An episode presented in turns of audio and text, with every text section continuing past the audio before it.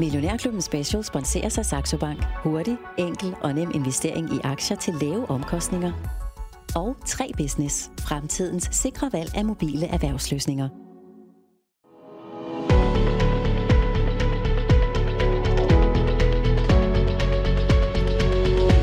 Velkommen til Millionærklubben Special med Bodil Johanne Gansel. Der er noget stærkt fascinerende ved tanken om at sejle ud på de syv have, at lægge alting bag sig og begive sig ud på nye eventyr.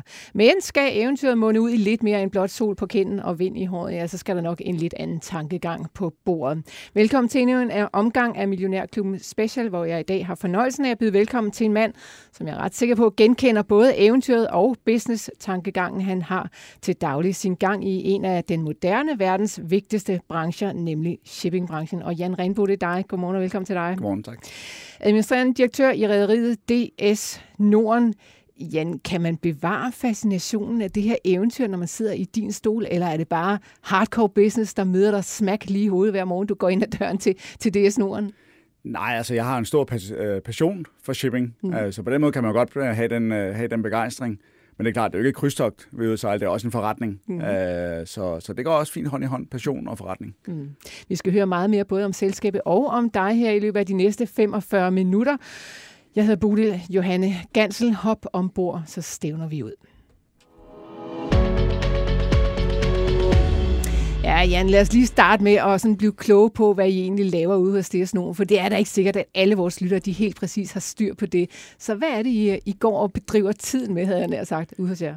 Jamen, Norden er et øh, shippingselskab, og øh, vi fragter råvarer øh, overalt i øh, verden. Øh, så det, man skal huske på, når vi taler om øh, råvarer og shipping, det er, at vores skibe sejler i taxafart, modsat det, man kender fra containerbranchen, hvor skibene sejler i, i busfart, altså på en linjefart. Hvad vil det sige at sejle i taxafart? Der, I sejler kun, når der er last? Vi sejler der, hvor kunderne vil øh, have, vi skal sejle hen. Mm-hmm. Så vi sejler der, hvor der er et øh, behov for det.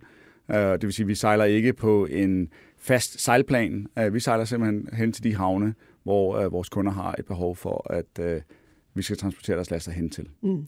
Og I er jo både inden for det, vi kalder tørlast og tank, og lad os lige prøve at udfolde de begreber øh, også her. Det er faktisk noget, vi taler ret meget om her i Millionærklubben, for en af vores porteføljeforvaltere er meget begejstret for, for tankselskaberne. Men altså tørlast og tank, sæt lige nogle ord på det. Ja, så hvis vi starter i øh, tørlast, øh, jamen der servicerer vi i virkeligheden tre øh, sektorer. Der er fødevare, hvor vi sejler med korn og sukker og salt. Øh, så har vi byggebranchen og sådan mere den industrielle del, hvor vi sejler med, det kan være cement, øh, det kan være forskellige metaller. Og øh, øh, så har vi energisektoren, øh, hvor vi sejler med træpiller og kul, når vi snakker tørlast. Og så hvis vi bliver i energisektoren, så går over på produkttank, jamen der sejler vi med raffinerede olieprodukter. Øh, det kan være benzin, flybrændstof osv. Så hvad fylder faktisk mest i jeres forretning? Det er lidt afhængigt af, hvordan du øh, opgør det. Øh, når man kigger på vores aktivitet, antal skibe, så er det klart tørlast, der vægter højst. Hvis man bor lidt ned i vores flådeoversigter, jamen, så kan man se, at vi faktisk ejer flere tankskibe end, end tørlastskibe. Hvor mange tankskibe ejer I?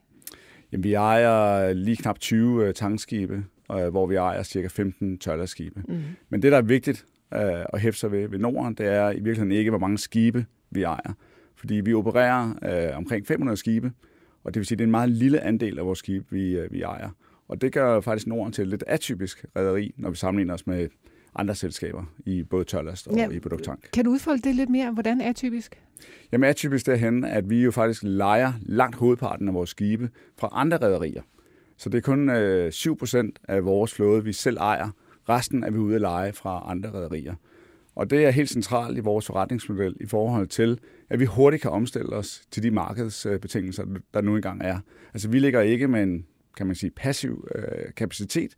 Vi justerer vores kapacitet hele tiden i forhold til dels vores kunders behov, og dels de markedsbetingelser, der, der nu er.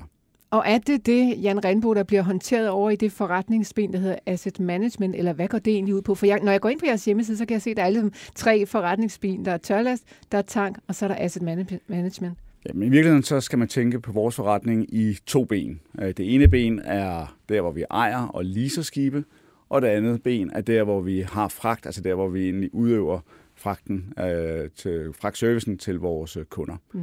Og det er faktisk to forskellige discipliner.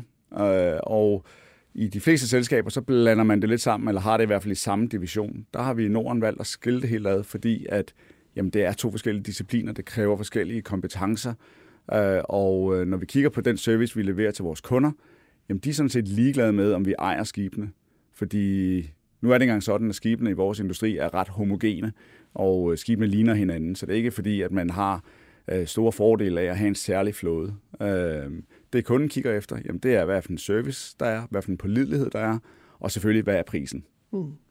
Så hvilke af de her dele i forretningen bidrager mest til, øh, til bundlinjen? Jamen altså, når man kigger på bundlinjen i, øh, i 2021 for eksempel, øh, som vi jo er godt i gang med, eller snart er, er, er, har afsluttet, jamen så er det klart været fragtdelen, øh, der har, har, har drevet det. Øh, og det er, fordi vi er over i den del, hvor vi ejer skibene, jamen der kører vi med en høj afdækning. Nu har vi i løbet af 2021 set en stor, stor stigning i fragtraterne, og øh, det vil sige, det vil ramme den del, hvor vi ejer skibene med lidt forsinket effekt. Så når vi så til gengæld kigger ind i 2022, jamen så forventer vi et stærkere resultat i den del af, af forretningen. Mm. Det, hvor vi så ejer og leaser skibene, der er det jo egentlig mere udviklingen på skibspriser, der er afgørende for os. Uh, og her er det virkelig købmandskabet, der, der træder til, altså i forhold til at få timet det her med at købe og sælge sine skibe. Uh, så det er ligesom uh, lidt ligesom ejendommen, selvom ejendom har det lidt mere med kun at stige værdi, så er, er bølgegangen lidt højere på, på skibe. Men det giver nogle fantastiske muligheder øh, hvis man øh, er dygtig til at, at kunne time det. Mm, og dygtig, det har i hvert fald været. Men jeg tænker, det må også betyde, at det er ret forskellige typer af kompetencer, du har siddende ude i DS Norden. Absolut, mm. fordi det netop er to forskellige øh, discipliner. Og øh, i det ben, vi øh, kalder logistics and, and, uh, eller assets and logistics, jamen så er det klart, der, der kigger vi altså mere langsigtet. Hvorimod i uh, freight uh, services and trading, jamen der er det altså det kortsigtede marked. Det er, hvad sker der i morgen, og, og det er fingeren på pulsen, og det er at levere service til kunderne. I øh, befinder jeg på 11 kontorer på seks kontinenter, kan jeg læse inde på hjemmesiden. Hvor mange medarbejdere har I? Vi er godt 400 øh, medarbejdere øh, på de her kontorer rundt omkring i verden. Cirka halvdelen på hovedkontoret her i København, og resten er så fordelt ud på, på kontorerne.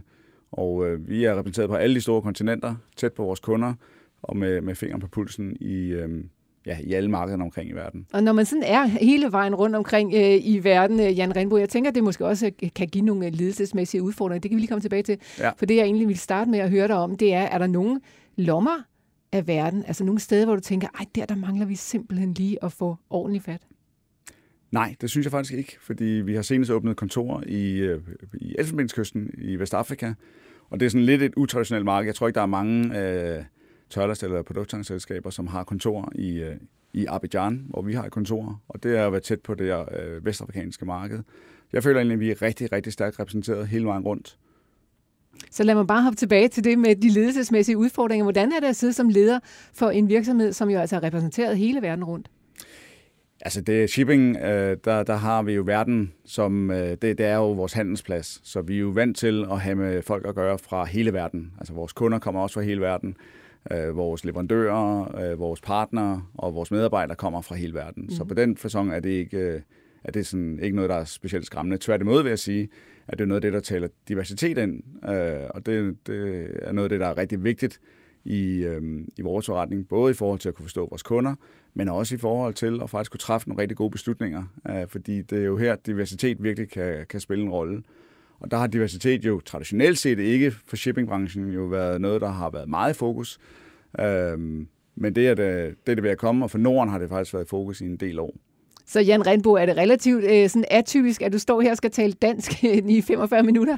Ja, altså, vi har det jo med, vi har masser af engelske ord, vi bruger mm. også i dagligdagen, så man skal faktisk lige koncentrere sig lidt, når man, øh, når man skal stå og snakke dansk. Også fordi jeg faktisk selv har boet i udlandet i øh, størstedelen af min karriere. Mm. Jeg skal nok prøve at slå ned på det, hvis du bliver alt for slem til de der engelske ord.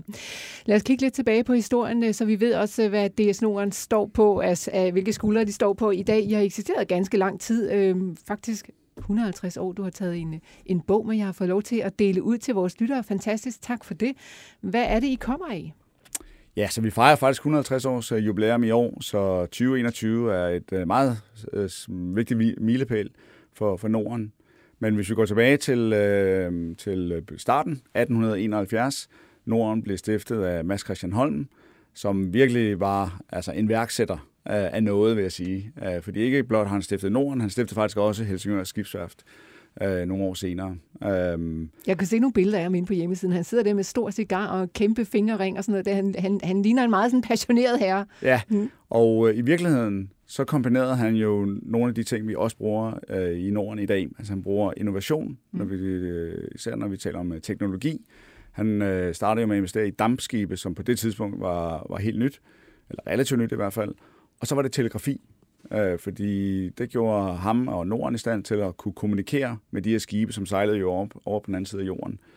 Øh, og i virkeligheden, når man kigger på, går lidt tilbage og kigger på, på historien, så er det meget sjovt, synes jeg, at notere sig, at faktisk brugte Norden flere penge på telegrafi, end på, øh, på, på sine medarbejdere, altså i løn til medarbejdere. Okay. så hvis man sådan prøver lige at kigge i nutidens øh, øjeblik, hvor vi selv synes, at nu investerer vi meget i digitalisering og data og alle de her ting, jamen så i virkeligheden, så har han i hvert fald været med til at vise vejen til at, øh, at lægge massivt ind på, på, på innovation og teknologi. Mm. Hvor længe har I været børsnoteret? Så vi blev børsnoteret faktisk øh, næsten lige siden øh, starten, altså 1872. Øh, så vi har også en lang, lang historik som børsnoteret selskab. Ja, det kan jeg forstå. Men det har jo været lidt af en rejse, forestiller mig. Altså, I har både været vidne til verdenskrig og alt muligt andet ufred og, besværligheder igennem den historik, som vi har været igennem som mennesker. Øhm, hvad har været sådan de væsentligste milepæle, hvis du lige skal sådan point, pinpointe et par enkelte af dem? Ja, altså, det er klart, der er to verdenskrige, mm. øh, hvor også Norden har mistet skibe øh, i, i, i den periode. Så er der selvfølgelig utallige kriser, altså finanskriser. Øh, så, så der har været godt bølgegang. Der har selvfølgelig også været nogle øh, store opture øh, undervejs. Men det har jo virkelig været meget fascinerende at være en, en, en, en del af den verden. Øh, jeg plejer gerne at sige til øh, vores medarbejdere, og især nye medarbejdere, der kommer ind i branchen, at øh, jamen her befinder vi os jo vidderligt i centrum af verdenshandlen. Altså alt, hvad der foregår rundt omkring i verden, alt hvad du hører på nyhederne, læser, jamen det har faktisk en relevans for os, om det er en øh, oliekriser, øh, vi har jo snakket om handelskrige, men det kan også være høst, øh, det kan være vejrfænomener. Altså alt det spiller faktisk en rolle og har betydning for de rater, øh, vi, øh, vi har i vores branche. Så øh, I følger selvfølgelig godt med, hvad der sker derude. Øh, det her med, at man står sådan øh, på skuldrene af 150 års historie, hvordan, øh, hvordan kan man mærke det i virksomheden i dag? Det synes jeg, man kan mærke med, at, at vi, vi dels skal trække nogle tråde tilbage til øh, stifteren, altså Mads Christian Holm, øh, og, og igen synes jeg, at han er et fantastisk billede af, egentlig også, hvad Norden er i dag. Altså det her med at, at være fremtidssynet, og egentlig have modet til at tage nogle beslutninger, som måske ikke, ja, som går lidt ud over det, man ellers gør i, i industrien. Øh, så jeg synes klart, der er et, et, et spejlbillede for os, vi kan bruge i det. Derudover kan man jo bruge det til, at øh, Norden har jo netop gået igennem alle de her op- og nedture, der har været i verden, øh, på godt og ondt. Øh, og vi har jo bevist igennem mange, mange generationer efterhånden, at vi kan begå os, uagtet hvad vi måtte møde på vores vej. Og det er jo en, en kæmpe styrke at have, og det er en stor styrke at have i forhold til at være i en branche, som er så øh, volatil, altså hvor, hvor, hvor raterne går op og ned. Og der er ikke mange selskaber, som har så lang en historik, som vi har. Og det åbner faktisk en masse døre for os, fordi når vi skal ud og lave aftaler både med kunder og med andre rædderier, så ved man, at Norden kan man stole på.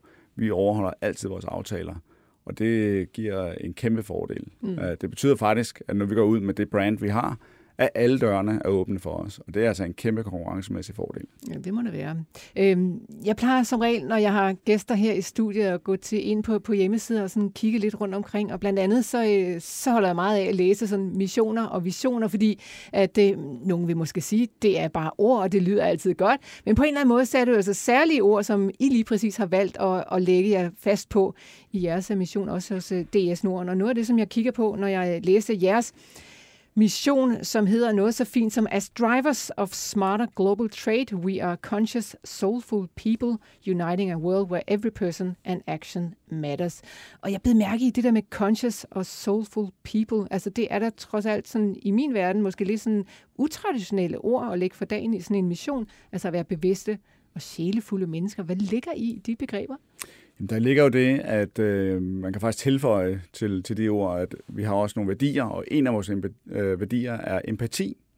Og det er igen fordi, at øh, typisk tror jeg, når man taler om shipping og rædderier, så tænker folk jo skibe, og skibe er det vigtigste. Og vi har jo også lidt som branche haft øh, travlt i hvert fald med altid at vise vores skibe frem.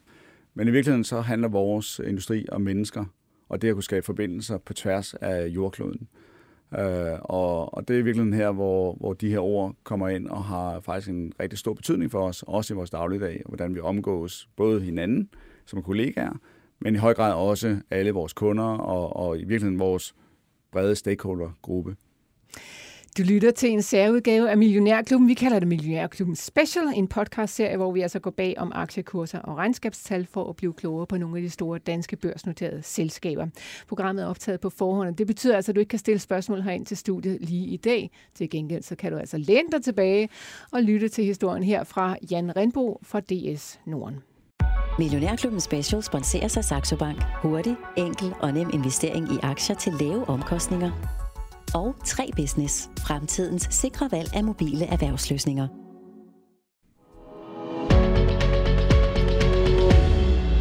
Ja, Jan, det skal også handle lidt om dig, og der er jo ligesom sådan to typer mennesker i den der verden. Der er nogen, der elsker at tale om sig selv, og så er der nogen, der ikke er så glade for det. Hvem er, hvilken type er du? Jeg ligger nok lidt midt imellem, øh, fordi jeg er nok ikke udpræget ekstrovert, øh, men jeg er heller ikke altså, jeg, jeg holder virkelig af at være med, sammen med mennesker, og, og holder også af at tale om Norden, og som i dag have muligheden for at, at fortælle vores historie, fordi jeg synes faktisk, den er super spændende, også fordi vi er anderledes end et traditionelt rederi, og det, det er egentlig ret vigtigt at, at have den fortælling med. Og det glæder mig at høre, fordi så kan vi også blive lidt klogere på, hvem du er som øh, menneske og som, som leder. Lad os starte med at høre lidt om din egen baggrund og vej ind i shippingbranchen. Ja, så jeg er faktisk opvokset i shippingbranchen. Øh, lidt tilbage til det her med at være passioneret omkring, øh, hvad, hvad, hvad jeg gør. Øh, og den passion har jeg bevaret til den dag i dag. Øh, jeg synes, vi er i en utrolig spændende og fascinerende branche, hvor tingene ændrer sig omkring sig hele tiden. Så der er aldrig to dage, der ligner, øh, ligner hinanden. Men jeg startede som elev øh, i øh, Torm, et andet dansk øh, shippingselskab, og øh, fik ret hurtigt muligheden for at komme til udlandet og endte faktisk med at bruge 15 år øh, i Asien og i Nordamerika, før jeg så kom tilbage til, øh, til Danmark. Og det har været med til, tror jeg, at forme mig både som leder, og selvfølgelig også som, som menneske. Altså det her med at komme ud og dels at kunne begå sig i nogle helt andre omgivelser, og komme ud relativt ung. Øh, og i virkeligheden på mange måder skulle lære tingene selv, så på egne ben. Mm. Så du har altså startet med sådan en traditionel, øh, hvad kalder man det, elevuddannelse? Ja, shipping, shipping elevuddannelse. Mm, over hos, øh, hos Torm, der ja. i dag på en eller anden måde er, er konkurrenten til dig. Hvordan vil du beskrive dig selv som leder? Jamen, jeg er en, en, øh, en lyttende øh, leder. Øh, igen, så øh, er jeg udmærket godt klar over, at det ikke er mig, der har alle svarene, men det er også min opgave, at vi finder svarene sammen. Øh, så, så som leder er jeg lyttende og øh, inviterer egentlig ind til, øh, at vi sammen kan finde de rigtige løsninger. Øh, for det tror jeg virkelig på. Øh, jeg nævnte tidligere, at vores industri handler jo ikke så meget om skibe, men i virkeligheden om, om mennesker. Og det er det, jeg synes, der, der er fascinerende ved at være, være leder. Om at få udviklet eller udløst det her potentiale, som, som vi dels har som, som mennesker, men som jeg i høj grad også mener, vi har som, som selskab. Så hvordan gik det overhovedet til, at du gik fra at være, skal vi tillader mig at kalde det sådan almindelige medarbejdere til at blive øh, leder ind i det her felt? Ja, det er selvfølgelig en udvikling, der er sket over, over tid. Øhm, jeg har aldrig haft en karriereplan, jeg har aldrig haft et mål om at skulle ende som øh, CEO i et øh, shippingselskab. Øhm, så jeg har været drevet af min passion for vores industri, og det har undervejs givet nogle muligheder, og dem har jeg altid været åben over for at gribe. så jeg har aldrig stillet spørgsmål omkring, jamen har jeg lyst til at rejse til øh, nu er jeg i Hongkong for eksempel, jamen jeg har grebet de muligheder, og, øhm, og på den måde egentlig fået arbejdet mig op, og, og så har de her muligheder budt sig undervejs, og så har jeg selvfølgelig fået noget ledelsestræning også undervejs, så jeg på den måde også har kunne øhm, ja, få noget inspiration til, øh, til mit lederskab. Og for os, der står sådan og kigger ind på den her industri, og ikke kender den helt så godt, som du selvfølgelig gør, hvordan er det sådan at, at hoppe sådan fra hop til hop, altså fra, fra Hongkong eller til København? Er det sådan nærmest det samme type af job, man har, om man sidder i København eller i Hongkong? Eller, eller er der stor forskel på, hvor i verden man så arbejder? Jeg synes lidt, vi har arbejde, altså verden er vores arbejdsplads mm-hmm. øh, som udgangspunkt, øh, så jeg, jeg synes ikke, at der har været en, en kæmpe forskel i forhold til arbejdet, men det er selvfølgelig, der er nogle store kulturelle forskelle i forhold til de mennesker og dine kollegaer, du arbejder sammen med. Øhm, Og, og på den måde har det jo været spændende at få lov til at arbejde både i Europa, i Nordamerika og i Asien, og egentlig på den måde få et ret godt bredt perspektiv af, af de her tre øh, meget vigtige områder. Mm. Hvornår er det sværest at sidde for bordenden af et stort øh, dansk børsnoteret rederi? Det er et godt spørgsmål, Bodil. Øhm, nu skal det ikke lyde sådan, øh, men jeg synes jo egentlig ikke, der er noget, sådan, der er særligt svært. Altså, jeg synes jo kombinationen af de her mange ting, der rykker på sig hele tiden. Øhm, men igen, øh, jeg er egentlig ret afslappet i det, fordi jeg jo som leder jo er omgivet af de rigtige mennesker. Altså, jeg har det rigtige team omkring mig. Og på den måde, så føler jeg mig egentlig altid tryg i, øh, i de beslutninger, vi tager øh, sammen. Så altså, prøv at udfolde det med det team lidt. Hvor mange mennesker er der sådan tæt omkring dig, når du skal drive den her virksomhed? Jeg, ved, jeg, jeg er helt med på, at ja. det, det sker jo ikke helt alene, men altså, det er dog dig, der sidder sådan med det sidste ansvar. Ja, så jeg leder selvfølgelig i høj grad gennem de ledere, der mm. refererer direkte til mig, men først og fremmest så har vi jo øh, vores to forretningsenheder, så vi har lederne af, af de enheder, og så har... Øh, øh, ja, selvfølgelig øh, CFO og nogle stabsfunktioner, som også øh, refererer til mig. Mm. Øh, så det er egentlig det, det team, øh, der, der sidder. Så det er måske en otte stykker alt i alt. Og er det de otte, der refererer direkte til mig? Er det dem, du sparer med sådan på daglig basis i forhold til, hvis der er et eller andet problem, der opstår, eller noget, der er svært? Ja, det er primært dem, men det er ikke kun dem. Mm. Øh, vi arbejder med en ret flad struktur i øh, Norden, så jeg kan sagtens jo gå til andre medarbejdere, som ikke nødvendigvis refererer direkte til mig. Mm, okay, så en, en bred gruppe af mennesker, som du trækker på, hvis ja. der er et eller andet, der er svært. Ja, nu behøver det heller ikke handle om alt det, der er svært. Hvornår er det bedst at være CEO for sådan et selskab som DS Norden? Jamen det er det jo, når vi ser, at vi lykkes med de ting, vi har sat i gang. Altså vi har været i gang med en stor transformation af Norden, øh, fra at være et lidt mere traditionelt rederi med, med flere sådan, egne skibe, til at være det her mere øh, asset-light, fleksible øh, selskab, vi er i dag. Og se, at vi lykkes med det, fordi det er i virkeligheden her, at øh, vi går fra at ikke kun at være afhængige af skal man sige, de store beslutninger, som jo typisk ligger i en ledelse og en bestyrelse, altså skal vi købe skibe, sælge vi skibe, men faktisk til de mange små beslutninger, vi tager hver dag. Altså når vi er ude og, og lege skibe ind, det kan jo være for kortere perioder, for en måned for eksempel, eller to måneder, øh, jamen så er det klart, så er der jo mange beslutninger, øh, der går ind i det. Og det er egentlig at se, at de teams, at de øh, trives med det, og de lykkes øh, med, med de beslutninger. Mm. Jan Renbo, lad os prøve at kigge lidt ud på det marked, som I bevæger jer i, og det er jo måske lidt øh, skørt at tale om, fordi hele verden er jeres markedsplads, men jeg tænker dog, at der må være nogle sådan markedsdele, der er vigtigere end andre, så hvilke er de?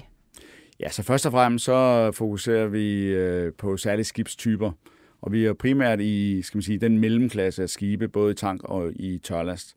Og grunden til, at vi lige er skal man sige, størst og mest fokuseret der, er, at det er der, hvor der er størst likviditet i markedet. Og det er faktisk en, et rigtig vigtigt element i vores forretningsmodel, fordi at vi jo lever i de her meget turbulente øh, markeder, hvor det er helt afgørende at dels kunne kombinere købmandskab og data og mennesker øh, til beslutningerne, og så selvfølgelig med, kombinere det med, med, med det netværk af kunder, øh, vi har.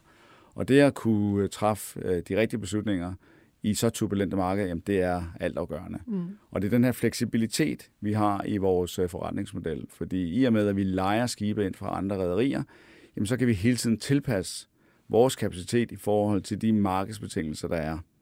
Og det er, står jo lidt i kontrast til skal man sige, mere traditionelle rædderier, hvor du har en, måske en stor flåde af skibe, som er rimelig konstant.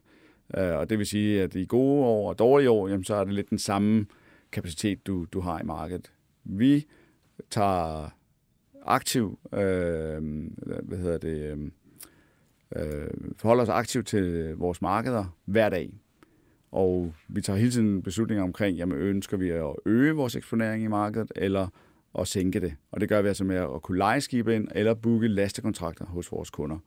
Og den her fleksibilitet, den er, den er helt afgørende for at kunne levere god afkast. Ikke bare i et meget højt marked, men faktisk også kunne levere gode afkast i markeder, som er lidt mere skal man sige, almindelige, eller, eller måske på noget lavere niveau, end det vi lige ser i, i øjeblikket. Men hvordan foregår den proces? Er det sådan nærmest på daglig basis, I kommer ind på kontoret, og så skal I finde ud af, okay, hvor meget har vi brug for lige nu her i dag, eller, eller sådan, er, det, er det længerevarende kontrakter, eller hvordan fungerer det? Øh, jamen, det er typisk øh, løbende, øh, at vi tager stilling til det, så det er ikke nødvendigvis lige hver dag, øh, men det er en løbende beslutningsproces, hvor vi hele tiden jo får datapunkter ind på, på markedet, Øh, vi kigger på, hvad vores kunder uh, ligesom giver sig feedback i forhold til, hvad deres behov er. Uh, og så er det med fingeren på pulsen rundt omkring i verden fra vores kontorer. Hvad er det, vi fornemmer, øh, der sker i markedet? Uh, så det er købmandskab kombineret med avanceret data, og så, og så egentlig den omverden, hvad er det, vi oplever i, i vores markeder. Det er det, der samlet giver øh, egentlig den indsigt i markedet, der gør, at vi kan beslutte os til, jamen, er det tid til at trykke lidt på speederen? Skal vi faktisk ud nu og, og skaffe noget mere kapacitet ind? Eller øh, er det faktisk tid til, at vi går ud og, og, og booker lasterne, og så venter vi med at lege skibene ind, fordi vi tror, at øh, det bliver billigere om en uge at gøre det. Men det er altså ikke på fingerspidsgefyld, det er simpelthen øh, hardcore data og tal og øh, informationer, som I får ind via, via jeres netværk og jeres, øh, jeres IT-opsætning, tænker jeg. Er, ja. er, det sådan, er det helt derovre, vi sådan nærmest tænker, at bør tænke på jer som en slags øh, tech-selskab? Øhm, der er i hvert fald et højt grad af tech, mm. øh, eller højere grad af tech. Nu er vi jo en industri, som er relativt analog til at starte på, så man skal nok lige gradbøje, hvad, hvad er high-tech, når vi, når vi taler øh, shipping. Men vi er klart meget avanceret i forhold til den datatilgang, vi, øh, vi har. Altså vi bruger millioner af datapunkter til at, at hjælpe os med at understøtte de beslutninger, vi tager. Mm. Øh, men det er det her meget vigtige sammenspil mellem data og mennesker. For det er klart, data alene kan ikke, altså det kan trods alt ikke give os det fulde billede. Vi bliver nødt til at, at, at afveje det med, hvad, hvad er det egentlig, vi oplever øh, i markederne, og bruge vores, øh, vores egen øh, intelligens øh, på, på, øh, på det her også. Så nu har du været rundt øh, i hele verden og også været i forskellige selskaber. Ved du, hvor unikt det er, at I bruger data på den her måde hos DS Norden? Altså er det noget, man gør alle steder efterhånden?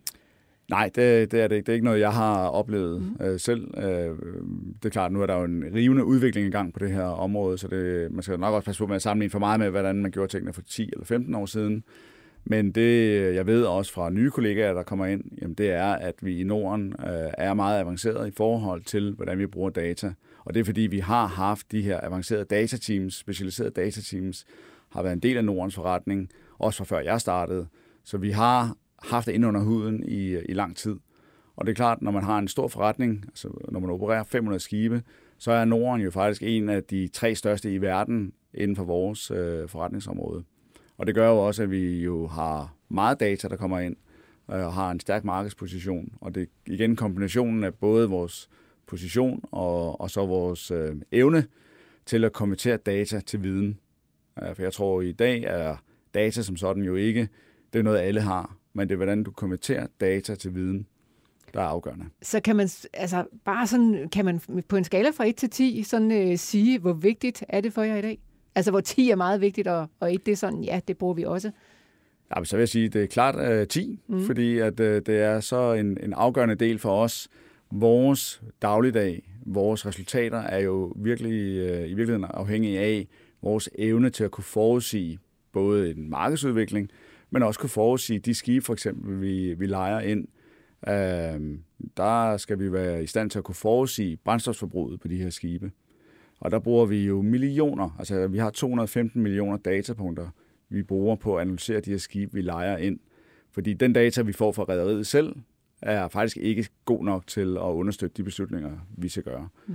Så, så vi går meget dybt i forhold til at forstå, øh, Øh, de her skibe. Og det kan være alt fra, hvad er det for en øh, maling, der er brugt på skibet, altså på skroget af skibet, for det har noget at gøre med algebegroning. Øh, hvor har skibet sejlet hen? Har det ligget i, i varmt vand i længere tid omkring ekvator? Øh, hvad er det for en hovedmaskine? Øh, hvad er det for en, et rederi?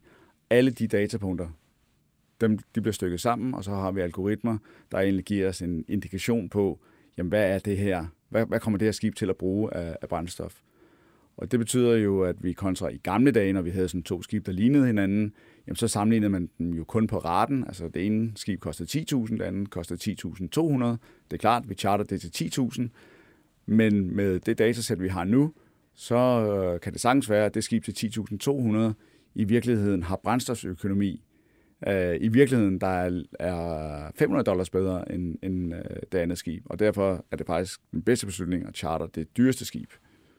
Wow, mange detaljer, man skal med, når man skal tjene penge i den der branche, du befinder dig i. Øh, jeg kan se, at I også øh, er ude at sige på jeres hjemmeside, at den globale verdenshandel ændrer sig. Hvad er det for en ændring, vi ser i de her år?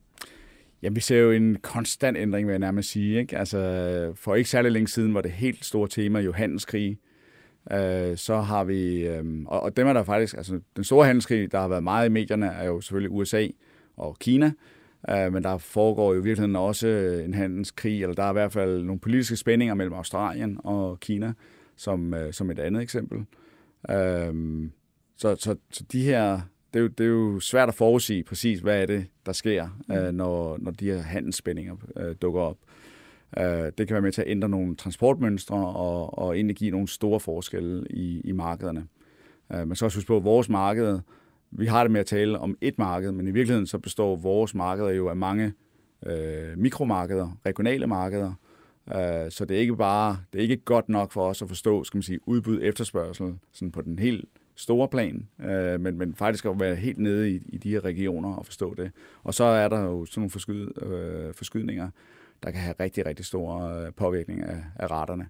Så hvordan sidder man så og leder en virksomhed igennem sådan en, en, øh, ja, en verden, der er så fuldstændig uforudsigelig? Men det er et øh, rigtig godt spørgsmål, for det går jo helt centralt ind i vores forretningsmodel. Det er jo virkelig det, vi har siddet og, og, og, og kigget meget intens på. Altså det her med, giver det mening i en branche som vores, som er så uforudsigelig, øh, så omskiftelig, øh, med alt det gode, det også medfører. Men giver det mening at egentlig bare ligge med en, en stabil kapacitet i sådan et marked? Eller øh, er der en bedre vej? Og vi synes jo, at den bedre vej er øh, at være mere asset light, altså lege flere skibe ind, og på den måde hele tiden forholde os til de her markeder. Hele tiden kunne, øh, kunne omstille os. Øh, vi tror på, at vi kan skabe et bedre afkast til vores aktionærer, frem for at ligge med en passiv flåde, og så egentlig bare håbe på, at markedet er godt nok til at retfærdiggøre den, øh, den investering. Mm. Øh, så det er den her mere fleksible øh, tilgang, hvor man hurtigt kan omstille sig til, til markedet. Ja. Jan Renbo, du var inde på tidligere, at øh, når I banker på døren rundt omkring på kloden hos potentielle kunder, så åbner de meget gerne og velvilligt op, fordi at I har den, den gode og lange historie bag, I har vist resultaterne. Men hvordan er konkurrencesituationen egentlig i det her marked, som I, I opererer i? Altså, det er jo en, en knivskarp konkurrence, fordi den er global. Vi opererer i et marked, som, er, som ikke er reguleret. Det vil sige, det er ren udbud og efterspørgsel. Og øhm, det er muligt, øh, jo ikke kun for Norden, men også for andre selskaber, at lege skibe ind. Så barrieren for at komme ind øh, har historisk altid været relativt lav. Vi tror, den bliver noget højere i fremtiden, fordi der begynder at komme nogle andre krav, klima osv. Øh, men, men, øh, men det er en, en, et, et konkurrencebillede, hvor du forestiller dig, at, at vi har cirka, når du taler tørlast og produkttank inden for vores øh, sektorer, cirka 15.000 skibe. Øh, så det er sådan størrelsen på markedet. Og Norden opererer som sagt 500 skibe, og er blandt de aller, aller største. Så det er et meget, meget fragmenteret marked. Mm. Men bevæger det der marked, altså markedsdelene, ligger det sådan og skifter frem og tilbage fra de forskellige rædderier, eller har man sådan ret godt fat i den uh, markedsdel, man nu engang har? Uh, altså, der, er, der er i hvert fald stor rift om uh, markedsandelene. Mm. Uh, nu går vi ikke selv så meget op i markedsandel, fordi jeg synes jo, det vigtigste er, egentlig de resultater, vi kan levere, øh, frem for om vi, øh, hvor store vi er. Så det er egentlig ikke størrelsen, der er, er afgørende for os. Det er egentlig mere, hvad er det for nogle resultater, vi kan bringe med den størrelse, vi så har. Mm. Uh, men, men det er, en, en, et, uh, det er et, et, et marked derude, som er, er meget konkurrencepræget. Og så er det jo også et marked, som måske her de seneste år har vist sig, at der sker rigtig mange ting, også fra kundernes side. Altså sådan et selskab som Amazon, som jo selv begynder at chartre egne skibe, og, og, eller øh, eje egne skibe og chartre egne fly og alt muligt andet, altså som ikke får brug for sådan nogen som jer. Hvad er det for en udvikling, I ser, og, og altså, er den bekymrende for sådan nogen som jer? Nej, fordi Amazon er jo faktisk et type selskab, som godt kunne charter skibe fra os. Ja, okay. uh, så, så på den måde er de, er de mere en kunde end en, en, en konkurrent. Mm-hmm. Um, egentlig så ser vi jo en industri, hvor at vores, øh, altså hvor evnen til at udnytte skibene eller verdensflåden er ret høj. Så vi er faktisk en meget, meget effektiv industri i forhold til den her udnyttelse af skibene. Uh, så på den måde uh, er der nok ikke meget mere at komme efter i forhold til at kunne yderligere optimere på den. Øh, de ændringer, vi ser, øh, jeg synes ikke, der er nogen afgørende ændringer i forhold til øh, dem, der ejer skibene, dem, der opererer skibene. Øh, det er en, en stor handelsplads, hvor der er plads til, til alle. Øh, ja. Så det er ikke noget, der bekymrer mig. Nej, det kan jeg forstå. Så ikke den store ændring i kundebasen i hvert fald. Øhm, hvad med investorbasen? Altså, er det let for jer ligesom at lokke investorer ombord i, i DS Norden? Ja, altså nu har vi jo haft øh, pæn øh, medvind i vores aktiekurs i hvert fald, så hvis man skal bruge det som målstok, så, så er der i hvert fald øh, større interesse. Øhm, jeg synes, hvis man hæver egentlig spørgsmålet lidt til at ligge så meget lige på Norden specifikt, man kigger på vores industri, jamen så har vi øh, som industri en udfordring i forhold til investorerne. og den hænger jo sammen med selvfølgelig, at der har været relativt lave afkast, Øh, Øh, vi kommer igen, hvis du er et mere traditionelt rederi, for at have nogle relativt store investeringer, som har været svært at, øh, at, at forrente. Og så har vi den udfordring, at man som øh, traditionel rederi på, øh, på børsen ofte bliver værdisat ud fra værdien af skibene. Og det vil sige, at det er svært som selskab at trænge igennem øh, med, altså der er en brand value, du har en, en, en værdi på, på den service, du tilbyder dine kunder, din organisation har en værdi, Øh, den har været svær at komme igennem med. Det synes jeg faktisk er en af de udfordringer, vi har som industri, og, og, og være mere attraktiv over for vores aktionærer. Egentlig fortælle en bedre historie. Hvordan vil du blive det? Det er jo det, vi er godt i gang med hos, mm. øh, hos Norden, ved at først og fremmest at gøre det mere øh, klart for, for investorerne, jamen, hvad er det for en værdi, vi tjener som skibsredder, altså på køb og salg af skibe, og hvad er det for en værdi, øh, værdi vi tjener i forhold til at levere fragtservice til vores øh, kunder, altså den her mere asset-light del af forretningen. For det er klart, hvis du som rederi kun bliver værdisat på værdien af egne skibe, og vi i Norden siger, at det er kun 7% af vores aktivitet, som egentlig foregår på egne skibe, så har vi i hvert fald en stor anden aktivitet, som, øh, som går lidt under radaren. Og øh, det er den, vi de senere år øh, har fået ud i lyset og, og viser, at, øh, at der faktisk er en værdi. Og det er faktisk den del af vores forretning, der gør det allerbedst. Vi skal lige øh, bruge noget tid på også at tale om, øh, om udfordringer og muligheder, fordi at øh, for os her på aktiemarkedet, der er det jo altså lidt det, som det handler om. Vi vil gerne vide lidt om, sådan, hvad er svært, hvad går godt, og hvor skal I det hele taget hen om, om 5-10 år. Så lad os starte med de der udfordringer, og en af de udfordringer, som ligger måske sådan lige for, og som har været gjort rigtig ondt for mange virksomheder, men som måske i virkeligheden har ændret sig til at være en, en, en fordel for jer, det er corona, tænker jeg. Kan vi ikke lige sådan runde corona, selvom vi alle sammen er lidt trætte af at tale om corona, men sådan, hvordan har det spillet ind for DS Norden, at vi nu har set en verden, hvor der er corona over alle vejen? Jamen, corona har medført, at øh, vi har haft nogle endnu større forskydninger i efterspørgelsen på skibe. Og øh, det vi så i tilbage i marts øh, 2020, da verden begynder at lukke ned, jamen det var jo, at øh, tæppet blev trukket lidt væk under øh, efterspørgelsen af, af råvarer. Så det ramte tørlasmarkedet rigtig, rigtig hårdt.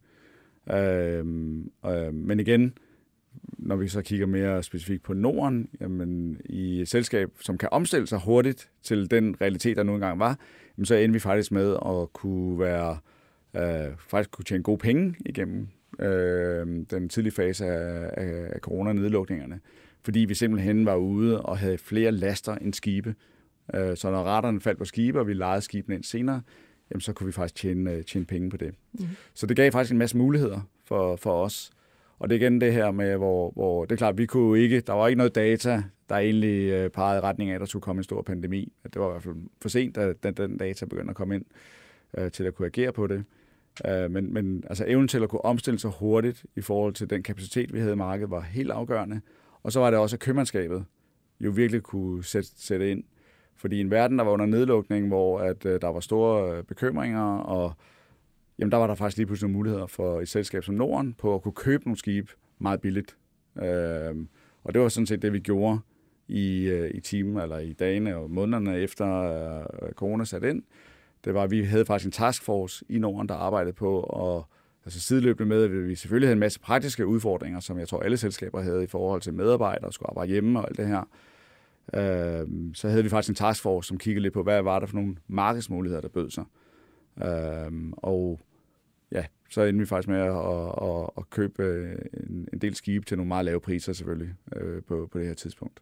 Så der blev købt op, øh, og det kan jo være en god idé, når tingene er billige. Var der sådan helt nye forretningsområder, som I havde inde og overveje, at vi skulle begive jer ud i? Nej, altså det, det er, der, der, er, der er nogle øh, lidt nye forretningsområder, som er kommet ind, men jeg vil sige, de er ikke drevet af corona øh, som sådan. Øh, dem kan jeg måske komme ind på lidt senere. Øh, men i forhold til, til corona, øh, jamen så er de her markedsforskydninger egentlig fortsat.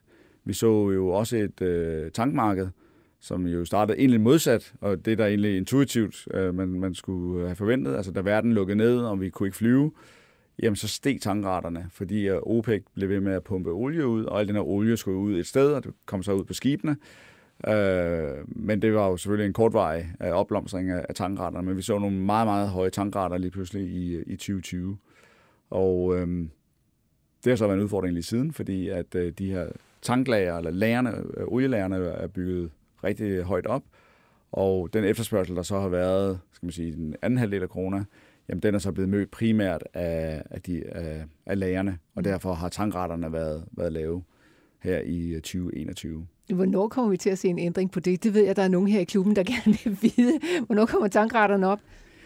Altså, vi tror på, at, øh, at det er noget, der øh, altså, det er på vej, og mm. det, det sker allerede nu. Øh, det ser vi. Øh, det, man skal huske på, det er, at der også er noget sæsonudsving i tankraterne, så det er ikke usædvanligt, at vi faktisk ser lidt en opblomstring på tankraterne omkring øh, vinterhalvåret her. Øhm, når vi kigger lidt længere, og egentlig kigger mere på udbud og efterspørgsel, jamen, så er vi faktisk ret positive øh, på tankmarkedet, fordi at der er meget få nybygninger, der kommer ind i markedet, og olielærerne er altså nu meget lave, og derfor øh, så kommer der til at være større efterspørgsel på, at man også skal ud og sejle med, med olien.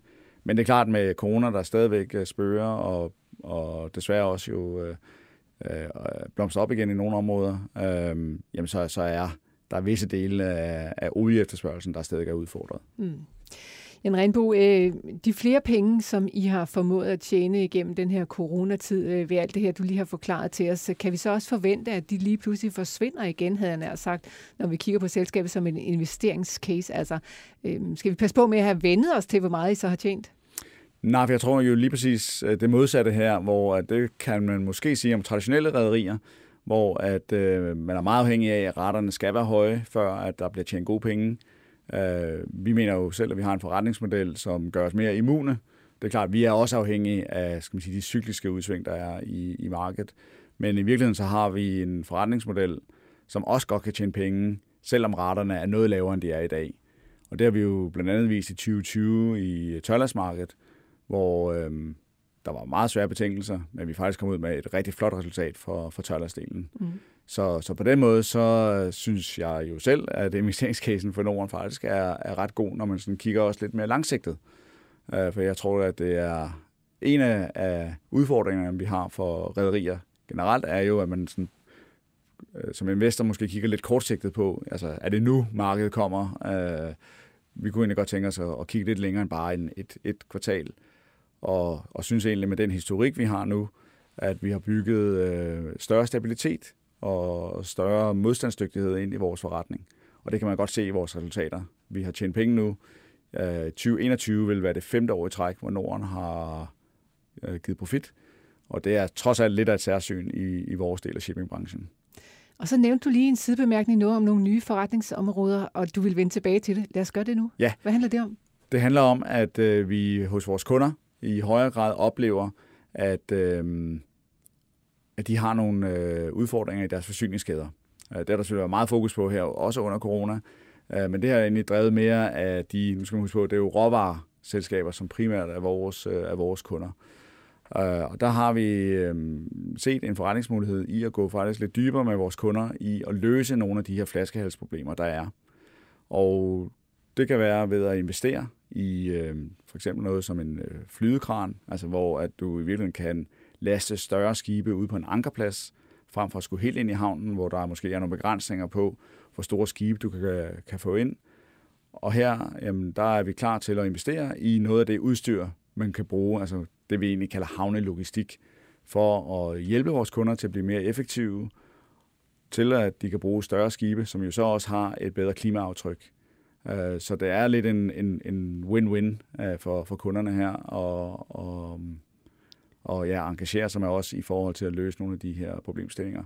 Og det kræver selvfølgelig fra vores side, at vi er parate til at investere i, øh, i noget af, af, af det her havneudstyr. Altså, det kan være pramme, slæbebåde. Øh, og det er vi, fordi at det her er jo noget, der kan give adgang til lange kontrakter øh, Øh, med kunder, og i øvrigt give noget fragtforretning selvfølgelig. Øh, det er jo helt afgørende, vi er ikke interesseret i at gå ud og investere i tilfældigt øh, havnelogistik.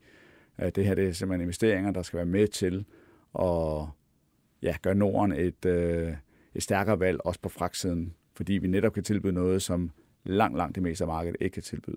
Så en udvikling er i hvert fald øh, i gang, Jan Rindbo. Øh, til sidst, ja, jeg får næsten lyst til at spørge dig, hvor Norden er om de, om de næste 150 år. Det bliver måske lidt for langt et spørgsmål, så lad os bare holde os sådan til, til om 10, 5, 10, 15 år sådan ude i fremtiden. Hvor har vi så DS Norden?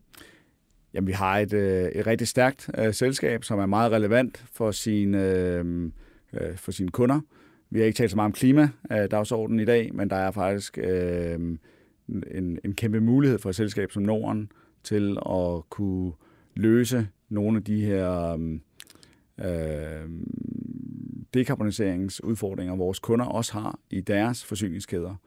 Og der tror jeg, at Norden kan spille en rigtig, rigtig stærk rolle. Så jeg, det bliver helt sikkert 10 virkelig spændende år, men jeg tror faktisk også, der kommer nogle rigtig, rigtig interessante forretningsmuligheder for os. Spændende lyder det i hvert fald, Jan Renbo. Tusind tak, fordi du var med mig her i studiet i dag. Vi når desværre ikke mere, og som du siger, der var masser af andre dagsordner, vi kunne hoppe i. Klima var en af de, de ret store. Vi lader den ligge. Det kan være, vi kan få lov til at tale med dig igen en anden gang. Tak fordi du kom i hvert fald. Så tak.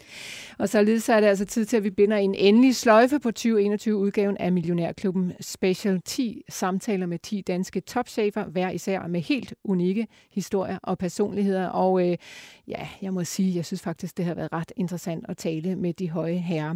Hvis du skulle mangle at lytte til en enkelt eller to, ja, så findes de selvfølgelig alle sammen inde i podcastarkivet. Gå derhen, hvor du plejer at downloade din podcast og søg på Millionærklubben Specials, så ligger de klar til dig lige der. Tusind tak, fordi I var med os også derude bag højtalerne. Vi høres ved.